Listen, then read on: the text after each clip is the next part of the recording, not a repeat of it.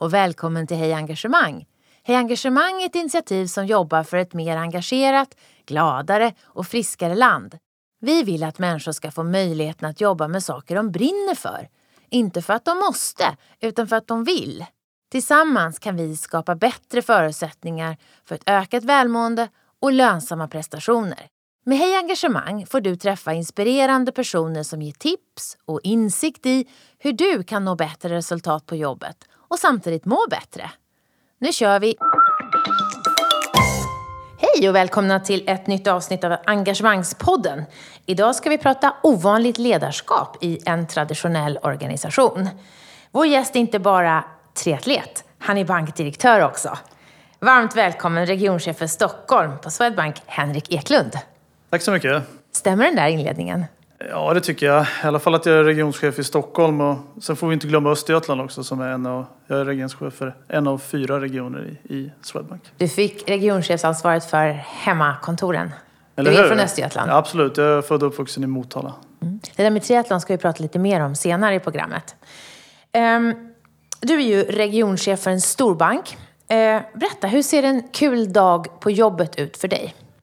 Ja, jag har en kalender jag följer men den brukar sällan bli som man har tänkt sig. Eh, utan eh, man kan krasst säga att mellan 7 och 9 då jobbar jag och mellan 9 och 16 så ska alla ha en minut och sen får man jobba lite efter det. Nej, men det och vad det, prioriterar du då under de där två timmarna? Om du bara hade två timmar, vi säger en two day workday. Two hour workday? Oftast är det ju att komma förberedd. Man har oftast möten under dagen som där man ska ta beslut. Och då är det viktigt tycker jag att man har, man har läst på. Eh, och jag jobbar mycket med mina kollegor som, som hjälper mig med att läsa på. Så då har vi oftast en, en briefing om, om beslut som ska tas. Eh, det blir väldigt, det är lugn och skön miljö på kontoret just då. Så då, då tar, vi, tar vi tillfället i akt. Och om du, händer något mer, om du hinner något mer än att bara läsa på, vad gör du då? Jag, jag brukar gå runt ganska mycket i, i lokalerna. Eh, jag brukar ha avstämning, slå en signal till de chefer som inte är eh, nära mig så att säga, utan de sitter på andra delar i, i landet för att stämma av. Framförallt i början av veckan då, så att vi, vi snappar upp någon, om det är någonting som vi behöver ta tag i direkt eller inte. Det gör du gärna med rösten, alltså ringer ja, eller träffar. Varför, absolut. varför tycker du det är bättre? Eh, lite erfarenhetsmässigt kan jag konstatera att Mail eh, har egentligen inga, det går inte att se några dimensioner i mejlet utan jag tycker jag är ganska tydlig, kan vara ett ganska hårt mejl. Jag tycker jag är inte alls tydligt och blir flummigt. Och, det, och dessutom vill jag ha responsen. Eh, många är duktiga, skickar jag mejl till tio personer så är det kanske tre som svarar. Men jag vet att alla har läst. Men just när man ringer och, och, och pratar med varandra så får man responsen av att man har faktiskt förstått vad, vad jag säger och vad jag vill. Så det tycker jag, det ger mig energi också och prata med varandra. Hur många personer träffar du på en dag? Oj, det, det kan vara jättemånga. Men eh, säg att jag träffar kanske 30-40 personer som jobbar i banken och så kanske jag träffar 3-4 kunder en normal dag. Eh, lunchen är oftast bokad med kund. Eh, och sen så jobbar vi då ständigt med om vi har kundärenden eller det, ja, propåer som vi kallar det, kreditpropåer på gång. Så det, det, där, det där växlar. Eh, det kan ju hända att vissa dagar inte träffar någon också. Då sitter man instängd i möten. Men, men i princip måste du känna fullt engagemang hela dagen? Ja, det är ja. nog en bra beskrivning. Mm. Att, eh, från att jag kliver in så är det fullt påslag till att jag eh, går hem. Ehm, så är det, absolut. Mm. Um, förutom jobbet då? Jag hör ju att du gillar ditt jobb. När är du som allra mest engagerad? I vilka tillfällen eller situationer? Menar du utanför jobbet eller i ditt liv? I ditt liv? Ja, nej men det är någonstans oftast när det är en problemlösning som ska till. Och den kan ju, kan ju uppstå både privat och, och på jobbet. Men det, det, är någonstans där jag går igång och, och liksom ser, okej, okay, vad kan jag bidra med till att hitta en lösning då? Och på jobbet så tycker jag det är ganska ännu mer roligt. Där finns det så många olika kompetenser man kan dra nytta av. Framförallt i bank. Vi jobbar fantastiskt mycket kompetent personal. Men just det där själva problemlösandet, det, det gillar jag. Har du alltid vetat att du gillar det?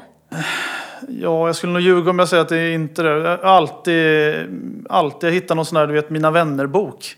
Där skulle jag bli, bli chef, Store. Så att eh, någonstans så handlar det väl om att eh, just att se, den delen har varit väldigt tidig i mig och Ja, men jag har alltid gillat när ett problem har uppstått att okej, okay, hur kan jag lösa det då? Sen funkar jag som alla andra att det, man lägger ju någon sekund på att vara lite negativ till ett problem som har uppstått också. Mm. Men allt som oftast är jag relativt bra på. Men det låter som du säger att du gillar att lösa problem i grupp. För du, du är ju chef och inte specialist. Det stämmer. Och du träffar nästan 50 personer om dagen som du löser problem tillsammans med då. Är det rätt uppfattat? Mm. Ja, men det, det, är rätt uppfattat. Mm. Det är en ganska stor skillnad att gilla att sitta och vara experten eller att se andra vara experter. Ja, Nej, men jag har ju har ett fantastiskt jobb. Jag har ju till exempel tre biträdande regionschefer som jag jag vågar nog påstå att det, om vi skulle jämföra oss en och en här så är de bättre än mig på de flesta delar. Men min styrka kanske är just att få dem att bli bättre.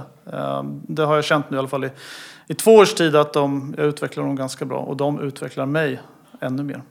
Här i Engagemangspodden pratar vi mycket om engagemang men ändå har engagemang ingen exakt vetenskaplig definition. När ni pratar om det på banken, på Swedbank, vad är det ni menar då? För min del så är det väldigt tydligt att definiera det med energinivå.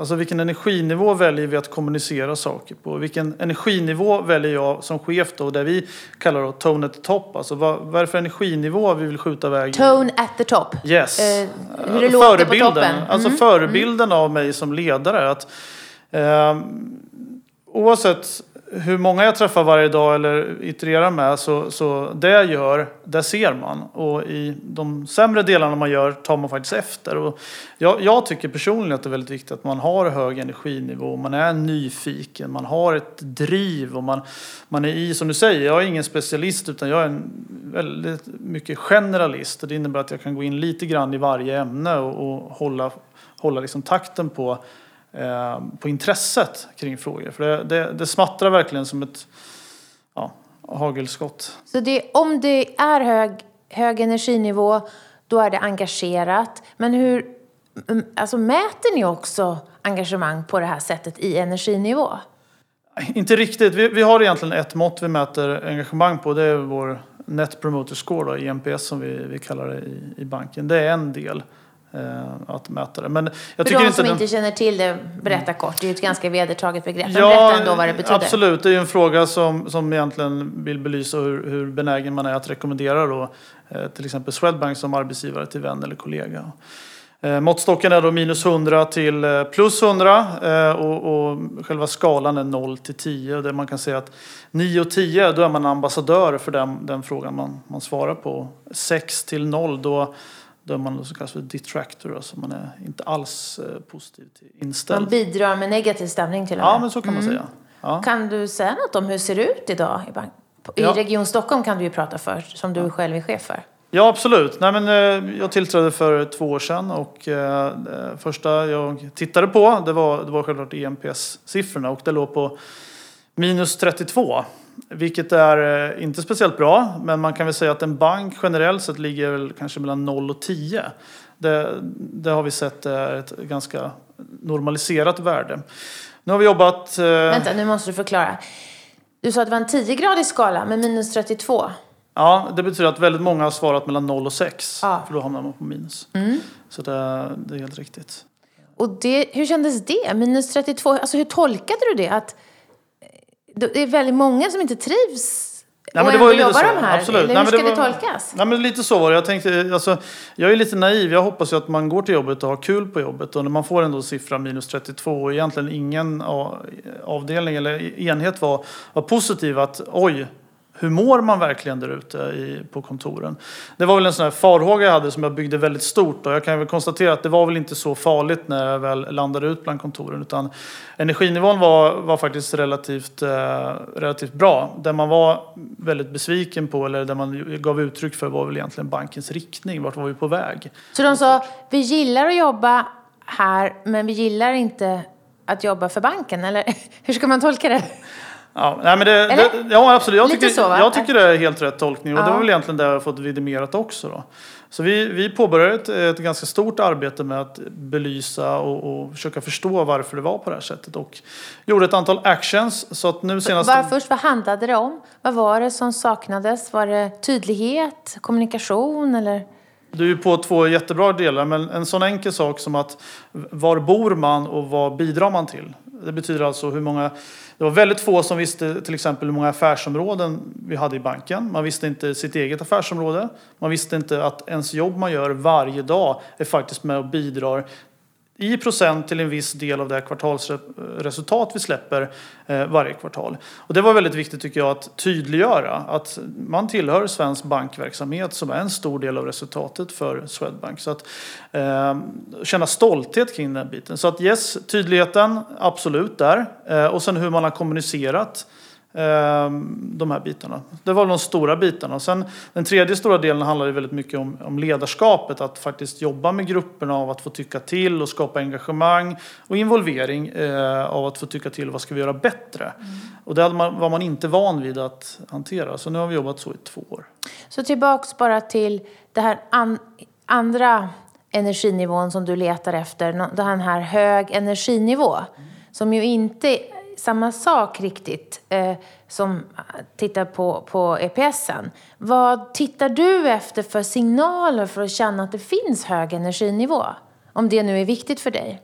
Ordet ansvarstagande tycker jag är liksom eh, beskriver väldigt väl en enhet som tar ansvar och det innebär inte att, man, att liksom, chefen ger uppdrag som ska utföras utan faktiskt gruppen kommer med konstruktiv feedback och även ibland tar egna initiativ på saker och ting som behöver liksom förändras både från smått och stort. Det tycker jag är en väldigt bra mätare på. Mäter ni då det i utvecklingssamtal också eller? Ja, absolut. Mm. Det gör vi. Men det är ju fortfarande så att det är ju ingen liksom, en hård siffra att liksom, har du förflyttat eller inte. Utan det, det, är väl den kritik man kan ge till, till generellt sett. Att det är en väldigt subjektiv tolkning av hur man upplever någon eh, driva frågor framåt. Eh, men jag tycker nog att eh, vi har det med i det som vi kallar för PD, PD-samtal eller utvecklingssamtal. Där mm. man... PD, personal development, yes. när man sitter med sin ja. närmaste chef. Ja. Mm. Och där har vi ändrat lite grann också. Det ju, finns ju en en struktur för det att vi gör det två gånger om året. Men vi har ändrat lite grann i ledarskapet att det är ju egentligen något som är ongoing. Det är någonting vi jobbar med hela tiden av att eh, liksom pusha och ge feedback eh, mm. och, och, lyfta. Så när du kom då för två år sedan och det var en, en EPS på minus 32 och så identifierade du några områden. Vad var det första du började jobba med då och hur? Ja, men någonstans så, så är, tycker jag det, det trillar ner på ett ledarskap. Men om vi inte har ett ledarskap som, som eh, driver hög energi så, så, tycker jag det är svårt att kräva det av våra medarbetare också.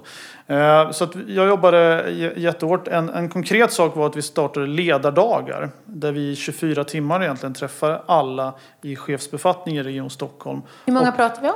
100 ungefär. Mm. Eh, och bara pratar egenutveckling av ledarskap. Där vi då bjöd in ett antal aktörer som, som ger sin syn på, på ledarskap. Och det där har vi gjort då egentligen en gång per termin nu i, i, i två år. Vad kunde stå på agendan? Nej, men det, det, är allt från att leda grupp till att leda sig själv. Eh, det kan vara allt från eh, evidensbaserad eh, ledarskapsforskning till praktiska case. Hur uppträder man i, i, i sin roll? Det kan ju vara så att man, man, har, man anser sig själv uppträda på ett sätt och sen så tycker mottagaren man uppträder på ett annat. Och där tror jag man behöver kalibrera lite grann. Och det har vi gjort ganska mycket. När ni utvärderade, vad tyckte dina chefer var mest relevant? Eller vad är, tycker de är mest relevant med de här dagarna? De är återkommande. Ja, nej men det, det här som är så svårt var för att under 24 timmar och 100 chefer så har ju 100 personer tagit åt sig egentligen 100 olika saker. Och därför brukar vi alltid bjuda in flera talar under de här 24 timmarna. Så att jag tror att många, jag får mycket feedback tillbaka att jag, jag tog åt mig av det här och det passade mig i min utveckling. Så att det, det generella är väl just att man som ledare ändå ska hålla hög energinivå och ta ansvaret och framförallt då ligga nära sina medarbetare. Och sen jobbar vi, vi konkretiserar det egentligen ner till att feedback behöver vi bli bättre på. Och feedback är inte bara två gånger om året utan feedback är det dagliga. Eh, och att vi liksom lägger full energi på det. Det var väl en stor del tycker jag. Om de flesta samma. organisationer och de flesta, i de flesta organisationer så klagar ju de flesta ledarna på att ja, vi förstår men vi har inte tid. Hur har ni, hur har ni frigjort mera tid så att ledarna kan ge mer feedback? Ja, det där Till och med daglig. Ja, nej, men det där är ju en jättebra fråga för att som bank då, som är otroligt reglerad dessutom eh, så blir det lätt att falla in i det här administrativa träsket om man får kalla det så. Utan där, där jobbar vi egentligen med en skala utifrån hur coachande och leda, eh, administrativt man jobbar. Där man får självskatta sitt, eh, sin vecka. Hur mycket, har jag lagt 100% på administrativ eh, hantering den här veckan innebär att jag har gett noll egentligen på, på det coachande. Och har jag bara varit ute och coachat så har jag ju heller inte riktigt hållit ihop eh, det administrativa. Så det är mer ett löpande samtal mellan chef till chef. Eh, att hur fördelar man tiden i, i, under sin vecka? Och ett bra knep till det är ju medlyssning där får man ju liksom svart på vitt hur, hur rådgivaren uppträder i en viss situation. Att, att man tar med sig en annan kollega som lyssnar? Ja, eller chefen till och med. Ja. Chefen sitter med och lyssnar vilket gör att man direkt kan ge feedback efter mötet och konstatera, vet du vad Lotta, Eva är borta, hon är jättebra på avslutningsfaser eller någonting och jag tycker där, där kan ni nog lära av varandra. Det var, medlyssning tror jag, det är underskattat framförallt i bankens värld. Så det jobbar jag jättemycket med. Har du själv medlyssnare med dig ibland? Absolut. Ja, vad brukar du få för feedback? Eh, att jag ska prata mindre. eh, nej men det är ju jättebra. Jag, vi har ju ett traineeprogram som rullar hela tiden och där, där brukar jag oftast jobba med traineer som är med och skuggar, skuggar min vardag. Eh, och, ehm, mm, det är väldigt spännande. Det är ett väldigt fint Eh, sätt att eh, överföra kunskap båda vägar. Absolut. Mm. Vi pratar även om att ha yngre mentorer. Framförallt i den här eh, digitaliseringsresan vi gör. Att det, det kanske inte behöver vara det klassiska äldre chef, yngre medarbetare. Utan det kan ju vara så faktiskt att idag att jag behöver ha en yngre mentor som kan lära mig saker som ja, inte riktigt är hundra uppsjungen på. Så receptet har då varit tydlighet i kommunikationen så att man förstår som medarbetare vad är det jag bidrar till egentligen? Varför, varför går jag hit? Vad är det jag gör för någonting? Och mer feedback så att du vet vad du gör rätt och du kan fortsätta göra det och sluta med det som inte funkar. Kan du berätta lite om hur siffrorna ser ut idag då? Mm. Nej, men eh, då har vi ju kört i två år och eh, konstaterat att vi hade plus 28 i senaste mätningen. Så att en förflyttning alltså från minus 32 till plus 28. Eh, vilket är fantastiskt kul. Och, och det som är kul just att vi ser medarbetare och det vi har definierat om då som medansvariga eh, tar ett mycket större ansvar att, att se till att engagemangsnivån är på hög nivå. För att det är ganska enkelt. Grupper som har låg energi de presterar mindre. Det, och där finns det också ett helt annan diskussion och, och liksom, av negativ, negativa inslag. Det är väldigt enkelt. Och jag tycker som chef så är man väldigt ansvarig för att se till att, att alla har mer eller mindre kul. Att, att man har kul 100% tiden, det fattar jag också att det kanske inte är. Med, eh, använder ni det uttrycket medansvarig för engagemanget? Eller hur, hur säger ni? Nej, vi säger medansvarig egentligen för, för allting. Alltså, det kan inte bara vara, vi, vi pratar väldigt ofta om en ism, då, något som heter nonanismen. Det är alltid någon annans fel att saker och ting inte är 100 procent. Och där har vi jobbat jättemycket med att den här någon annan, det kanske är du.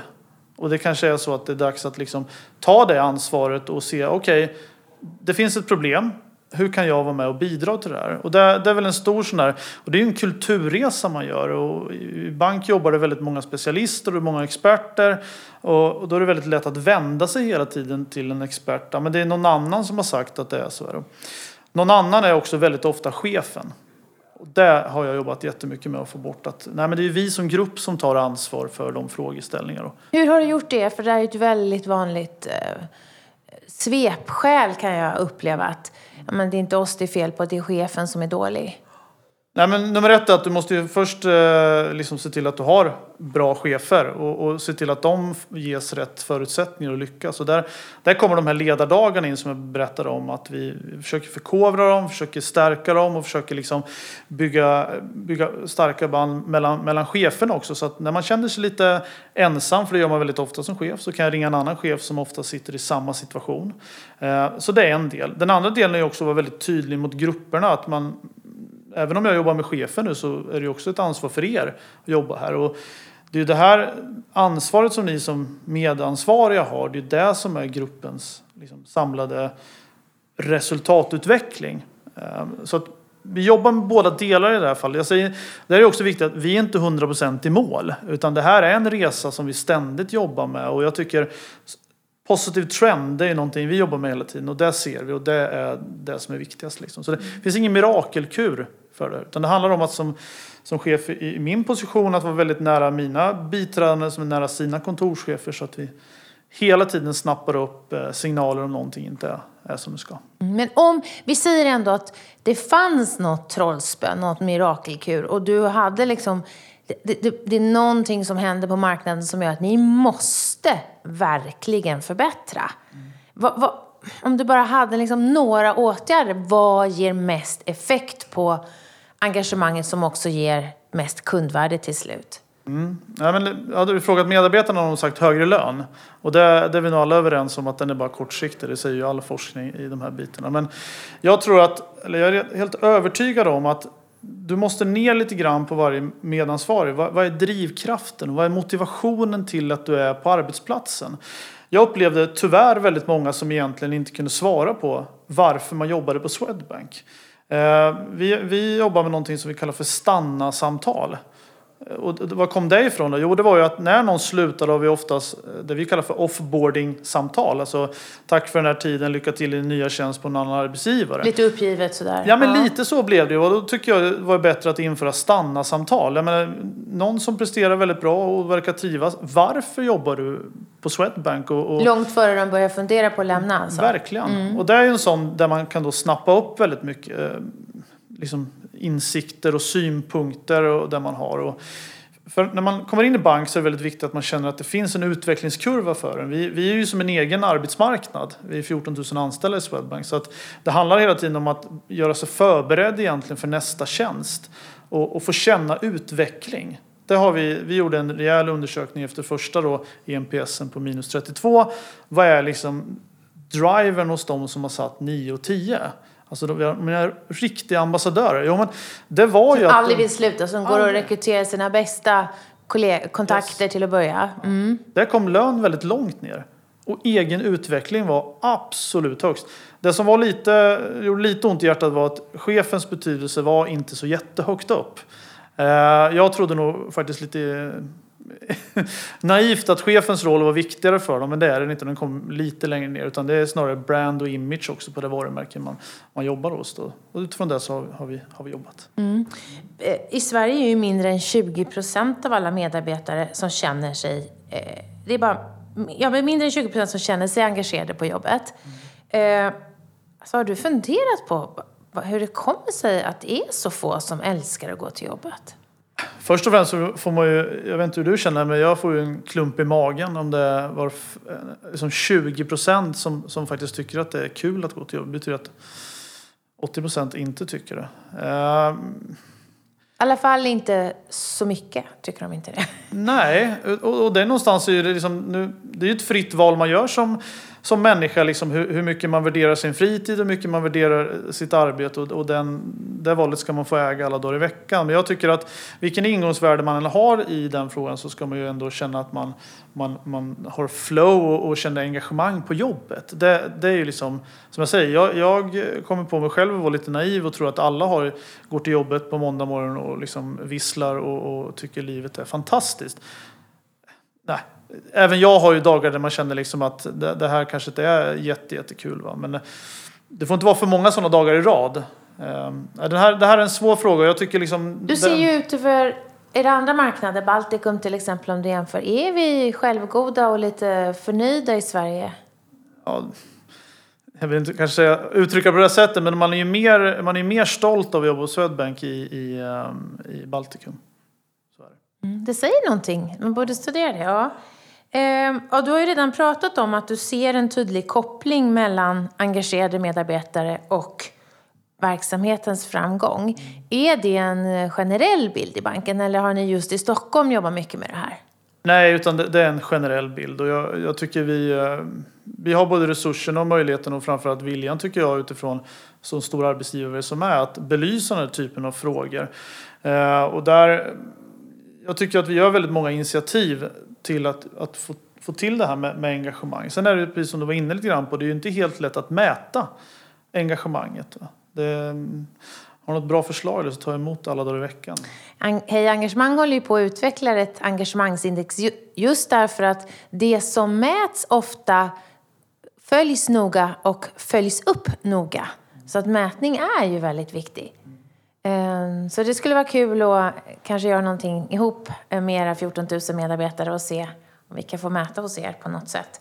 Men bank tänker jag också som verksamhet är väldigt hierarkisk. Har du funderat på hur det påverkar engagemanget? Inte för att ta det som en bortförklaring, men hur påverkar det?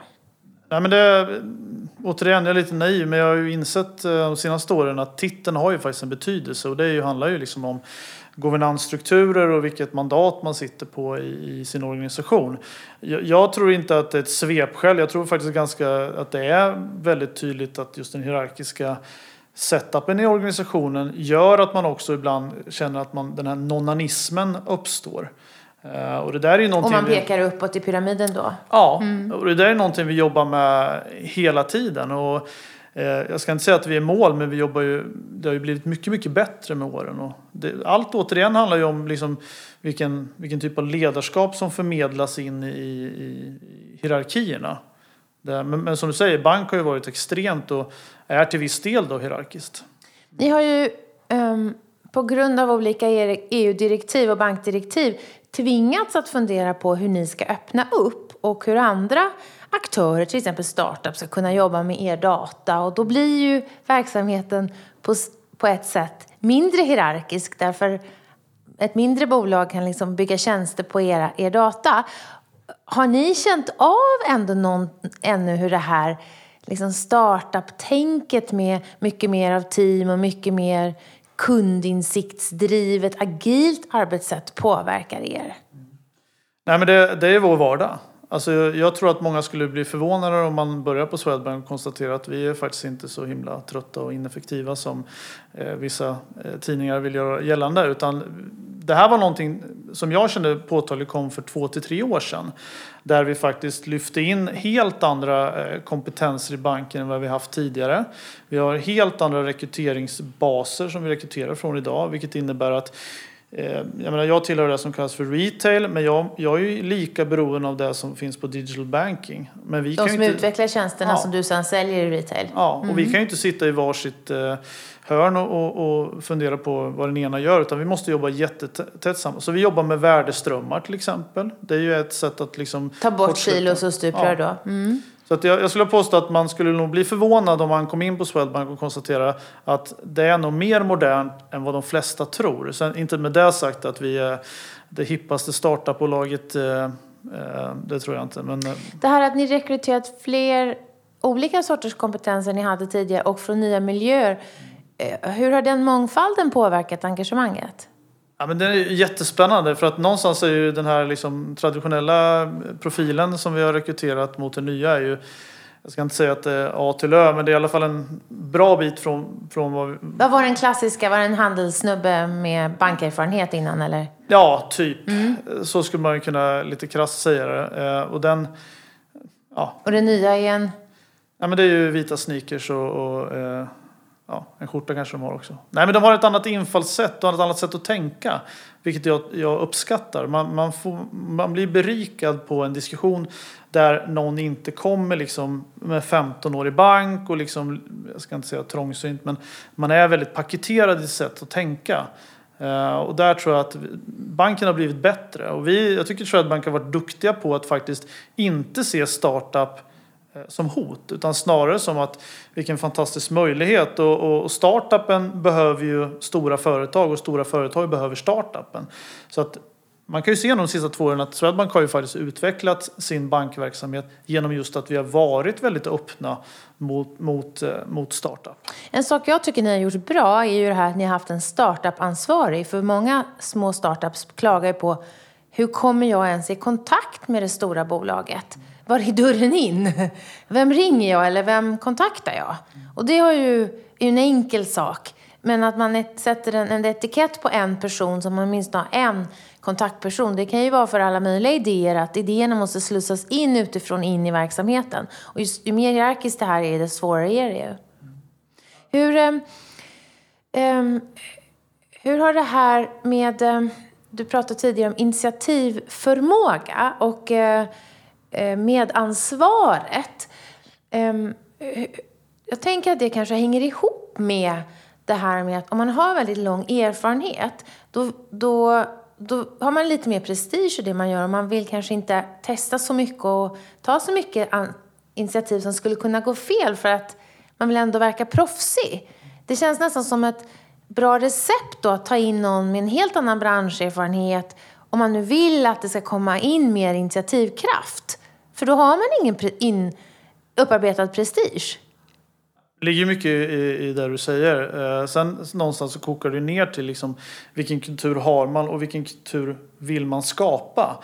Och jag, tror, jag är helt övertygad om att Swedbanks mål är att skapa en, en, en kultur där man faktiskt, även om man jobbat 15 år i bank, att det är okej okay att misslyckas eller okej okay att komma med idéer som kanske inte realiseras dag ett. Vi är inte där än på något sätt. Men jag tror att vi, vi har de senaste två åren lagt en ganska bra grund till en något förändrad kultur där, där vi faktiskt tänker annorlunda. Och där, det, det är ju det är Birgittes förtjänst då liksom att verkligen tajta ihop banken. Är koncernchef. Ja, mm. Eh, och tajta ihop banken, att vi jobbar tillsammans. Hennes, hennes liksom ständiga mantra är ju att liksom vi träff, jag träffar ju startup eller bolag i scale-up-faser som, som, där vi behöver hjälp egentligen från, från medarbetare på digital banking att förstå ens den nya affärsmodellen som kommer. Och kan vi dessutom ta in credit i den så har vi helt plötsligt skapat en, en grupp av människor som, där vi känner oss ändå trygga med den här typen av, av affärsmodeller till exempel.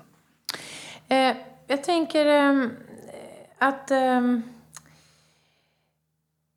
vi ska prata om ditt ledarskap. Ehm, och din förmåga att, att utforska och ta risk. Har det hänt att du misslyckas? Kan du ge något exempel på det? Och vad händer dig då? Som, du är ändå en hög chef. Nej, men jag, jag, reflekterar väldigt mycket kring de här bitarna och, och, och, då måste man ha klart för sig spelreglerna egentligen tycker jag. Och det, det har blivit väldigt tydligt sista året att, att ta förväntade beslut, det är det lätta. Där liksom omgivningen förväntar dig att ta det här beslutet och det är, liksom, det är tryggt, det är skönt, inga konstigheter. Däremot att ta modiga beslut, det har bara en enda belöning på kort sikt. Och det är ju kritik. Så fort du är modig, eh, du hänger ut hakan och säger det här tror jag på. Eh, så, så har du ju direkt någon som inte köper in på det. Och det här är ju också samma personer som i ett längre perspektiv gärna står bredvid dig när du har lyckats.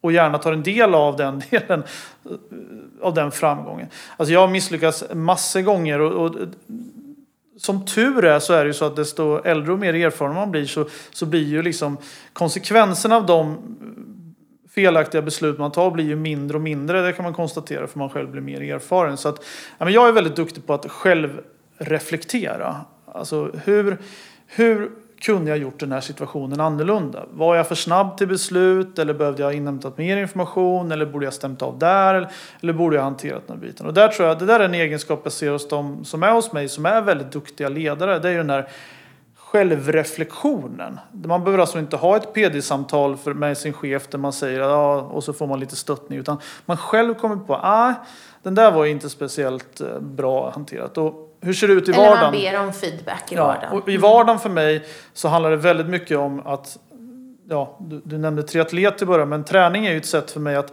koppla bort igen. Och där någonstans man, man har en reflekteringsfas. Jag menar, ut och ja, men powerwalka då, eller spring fem kilometer. Det är ju ett jättebra verktyg till att själv reflektera under dagen. Vad, vad kunde jag gjort bättre? För det är livsfarligt tror jag att man känner att en vecka bara gått och man liksom, ja men nu, jag går ner lite på någon normal nivå och det bara rullar på liksom. Jag, jag kan ta lite, lite förväntade beslut och gör man det för lång tid så, så tror jag att man tappar det engagemanget. Det är superviktigt. Eh, jag tänkte prata om det här med träning och, och, du pratade tidigare om att eh, du själv tränar för triathlon. Men ni har ju också gjort en bredare satsning på träning i något ni kallar för Swedbank Superstar som ju egentligen är ett ledarutvecklingsinitiativ. Kan du berätta om det? Mm. Nej, men det, det är återigen det här med vi pratade om engagerade medarbetare. Och eh, vi gjorde en gallringsfas i regionen och hittade då 30 stycken som är då utifrån sitt arbete eh, högpresterare som vi kallar det. Eh, och så, så erbjöd jag dem att vara med i en utmaning. Det var på tio månader att gå från sin, sitt startläge till att springa Amsterdam Marathon som var för ett par veckor sedan. Då. Och det här har alltså ingenting att göra med deras idrottsliga bakgrund överhuvudtaget. Dessutom var det eh, sex chefer med också som, eh, som sitter i, i rekryterande position. För mer seniora alltså? Ja, mer mm. seniora. Eh, och det är egentligen kort kan man säga att vi har träffats en gång i månaden då, tillsammans med ett företag som heter Urban Tribe. Och så har ju varje individ haft en egen löptränare. Eh, och sen har vi då haft en stängd Facebook-sida där vi liksom lägger upp på de aktiviteter vi gör då och ger varandra feedback och, och energi och de här bitarna. Det här är som sagt var inte ett, bara ett träningsprojekt eh, eh, utan det här projektet är ju att det här personer som jobbar som ambassadörer åt mig och också får, har jobbat i workshops på olika frågor som jag vill ha direkt feedback på så jag kan känna mig trygg när jag går ut i organisationerna att det, det, här har jag liksom eh, gänget med mig på. Så att, och den här idrotts, det här idrottsliga och prestationsinriktade engagemanget, hur har ni växlat in det i engagemang och ledarskap? Nej, men vi har haft olika uppdrag under det, här, under det här året och där har vi ju inte bara cheferna fått äga liksom, eh, sponsorskapet utan vi har ju fördelat ut att man har fått äga eh, egna egna delar själv då i den här delen. Och det som har varit väldigt häftigt är att alla kände ju inte varandra i det här fallet. Utan man har fått lära känna varandra eh, och framförallt då under situationer där man då svettas. Man springer tillsammans och där kanske några då som aldrig har sprungit ska springa med de som sprungit jättemycket och så bygga, bygga band här. Och vi har väl fyra rekryteringar ur den här gruppen då, eller Swedbank Superstar bebisar som vi kallar det. Så att man har de här cheferna som är med har vågat rekrytera någon av de här personerna som var runt ett år. Så där var... Inte att de har fått barn ihop alltså? Nej, Nej så är det inte. Uttrycket var lite konstigt. Ja. Eh, med eh, din egen sportsliga utveckling då? Du gick ju från i princip kunde löpa lite till du kan springa långt, du kan simma långt och du kan också cykla långt. Allt i kombinationen triathlon. Eh, hur har det påverkat dig som ledare? Men det, det började egentligen att vi, vi är 30 stycken. Så att redan där att lära känna 30 personer inom andra branscher och liksom se vad, vad de gör som är bra. Det har varit otroligt eh, fascinerande tycker jag. Men i grund och botten så handlar väl ledarskap tycker jag väldigt mycket om att man måste bibehålla vem man är själv. Jag har sett allt för många chefer som som försöker vara någon annan. Man ser någon duktig ledare och så försöker man vara efter den ledaren. Va? Jag brukar slarvigt säga att 80% av ditt ledarskap det är ju vem du är som din personlighet och den kan du inte riktigt ändra på. De här 10 procenten på sidan de kan du ju skickas på kurs på och så kan du ju förstå och det är erfarenhet och de här bitarna. Men så det har varit otroligt lärorikt att träffa andra individer. Framförallt de som personlighetsmässigt ligger längre bort från mig. Som uppenbarligen också har lyckats med sitt ledarskap. Och se vad är det de gör som är så bra. Så jag tror det har varit ett genomgående tema. Så inte bara mitt... spegla sig i likasinnade?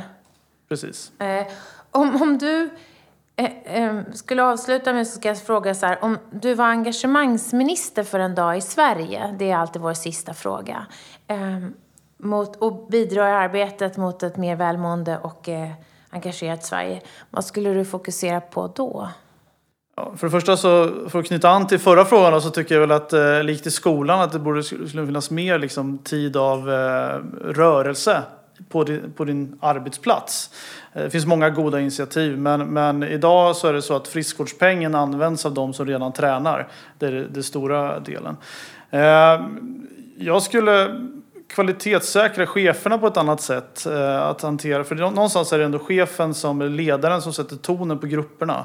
Eh, den är jätteviktig. Eh, sen så skulle jag ju liksom önska att alla fick gå till jobbet och, och känna det där engagemanget. Hur man gör det, ja, eh, jag vet inte hundra procent. Du gav det faktiskt ganska bra tycker jag i början när du sa fråga varandra oftare din kollega eller din chef eller din, din lärare, varför är du här? Vad bidrar du till? Den frågan var du ju inne på i banken. Den kanske skulle funka i samhället också. Stanna, stanna samtal. Stanna samtalet, ja. ja. Vi önskar att du kunde stannat här mycket längre, men eh, nu är det här avsnittet klart. Stort tack för att du var med oss idag, Henrik, och eh, lycka till i ditt arbete framåt. Tack så mycket. Vi hoppas att vi har väckt tankar om hur du kan bidra till ett mer engagerat Sverige. På hejengagemang.se kan du hitta mer inspiration och tips kring hur du som individ, ledare och organisation kan jobba för att skapa ett ökat engagemang, välbefinnande och nya resultat. Tack för att du har lyssnat!